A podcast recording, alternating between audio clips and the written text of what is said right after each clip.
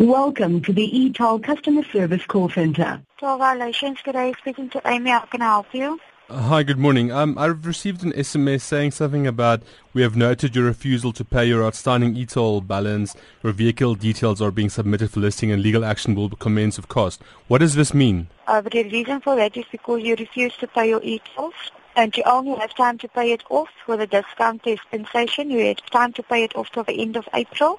So if you're not going to, or if you don't want to pay, you refuse to pay the account, there will be consequences once after the 1st of May. Na die Sanral oortredingsentrum bevestig het, hulle stuur wel die dreigende SMS'e, maar ontken het hulle is eintlik 'n skuldinvorderingsmaatskappy genaamd ITC Business Administrators, het RSG gevra om met 'n bestuurder te praat wat oor die boodskap in die SMS'e kan uitbrei. I know that the sent out SMS is notifying you that if you have defaulted on your payment for your job violations because of, of it being the 60 Okay, so the reason why the SMS went out is to notify you that it could go onto the vehicle, and when you try and sell your car or trading in or so, then it's going to be more difficult for you to do so because of the listing on your vehicle, a notification. I don't understand. You're saying that my my outstanding e-toll account is going to be linked to my vehicle.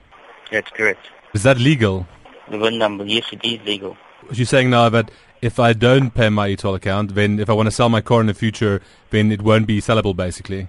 It will be sellable, but it's going to be more difficult for you to sell it because dealerships don't want to go through the process as to the ETO, as then ETO account. To get the account, the car off your name, when you sell your car, whoever buys the car, you own or so on, it's going to notify that you still have an ETO account that's outstanding. It's going to be it's your VIN number would be notified that the user account is outstanding. Die bestuurder het egter op die ou einde toegegee dat hulle net besig is om motoriste bang te maak. We sent out SMSs notifying that the balance is outstanding and we think that those are things that can happen. Outa se direkteur vir regsaangeleenthede, Ivan Herselman, het uitgewys dat die wysigings aan die administratiewe beregting van padverkeersmisdrywe wet ARTU om etol oortredings in te sluit nog nie ter tafel gelê is in die parlement nie en daarom is dit glad nie wettig nie. Connecting the SANRAL debt to the VIN number of your car for purposes of withholding the license Yeah, that's going to be completely unlawful. The, the premise for withholding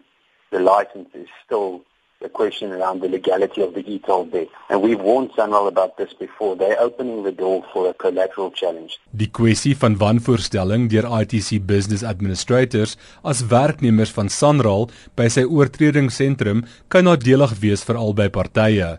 RSG wat homself as 'n motoris voorgedoen het, het herhaaldelik vir werknemers by die maatskappye gevra of hulle skuldinvorderaars vir Sanral is. Hulle antwoord is elke keer 'n duidelike nee gewees.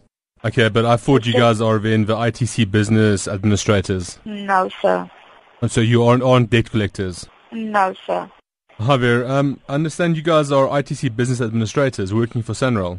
No, we are veto violations, part of Sanro. Selfs die direkteure van ITC Business Administrators het voorgegee hulle weet van niks nie. Um, I prefer you to speak to the to the to the MD of the company. We're just an institutional investor in the company, so uh, I prefer you to do um, to have a chat with them directly.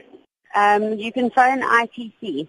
I don't know anything about this. It's not my business. You can phone the business, ITC. Maar aanhouer wen of nie. We are unable to attend to your call. Thank you. Goodbye. Op die ou einde het RSG 'n assistent vir een van ITC se bestuurders opgespoor. Our managers are in a meeting. The meeting will be done at 11. Okay, but I'll get one of the managers to call you back. Twee van die werknemers by Sanral se oortredingsentrum, Amy Pieterse en Ashida Boysen, word albei gelys as skuldinvorderaars wat vir ITC Business Administrators werk, maar toe RSG hulle probeer kontak, was hulle glo nie beskikbaar nie. Thank you so much for holding the line.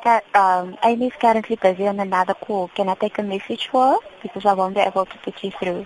Okay, is there Ashida Boysen there? Um, she's also not available. She's also busy on the phone. Outa se Herselman het self ook bevestig dat die werknemers by albei maatskappye dieselfde mense is. Well, the information we have shows that they are in, sitting in the ITC building in Cape Town.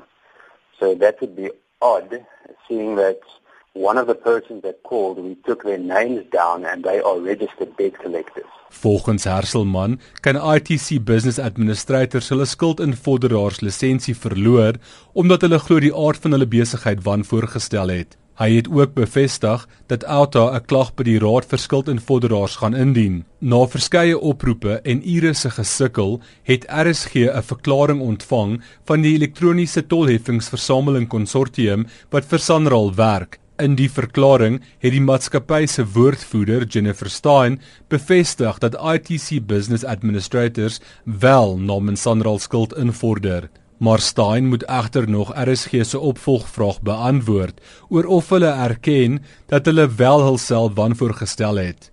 Jacques Steenkamp, SAK nuus, Johannesburg.